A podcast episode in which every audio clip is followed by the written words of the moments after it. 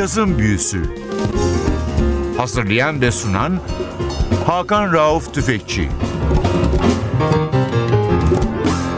Cazın Büyüsü'ne hoş geldiniz NTV Radyo'ya. Ben Hakan Rauf Tüfekçi ve Atilla Özdal. Hepinizi selamlıyoruz. Bu hafta sizlere Amerikalı alto saksafoncu, besteci ve nadiren grup şefi ki kendi aktifinde 3 kaydı var grup şefi olarak. Bruce Williams'ı tanıtıyoruz. 1997 yapmış olduğu bir albüm var elimizde. Savant Records'tan çıkmış Brotherhood. Albümün prodüktörü çok önemli bir davulcu Cecil Brooks ve albümde de çalıyor zaten Cecil Brooks. Cecil Brooks'un bir diğer önemi de Cecil's isimli New Jersey'deki çok önemli bir caz kulübünün sahibi ve işletmecisi. Yani caza müzisyen, hoca, besteci olarak hizmet vermekle kalmıyor. Bir de caz kulübü işletiyor boş zamanlarında Cecil Brooks ve Bruce Williams'ı da çok seviyor. Onun her albümünde var ya prodüktör ya sanatçı olarak yer almış bir isim. Albümde başka kimler var?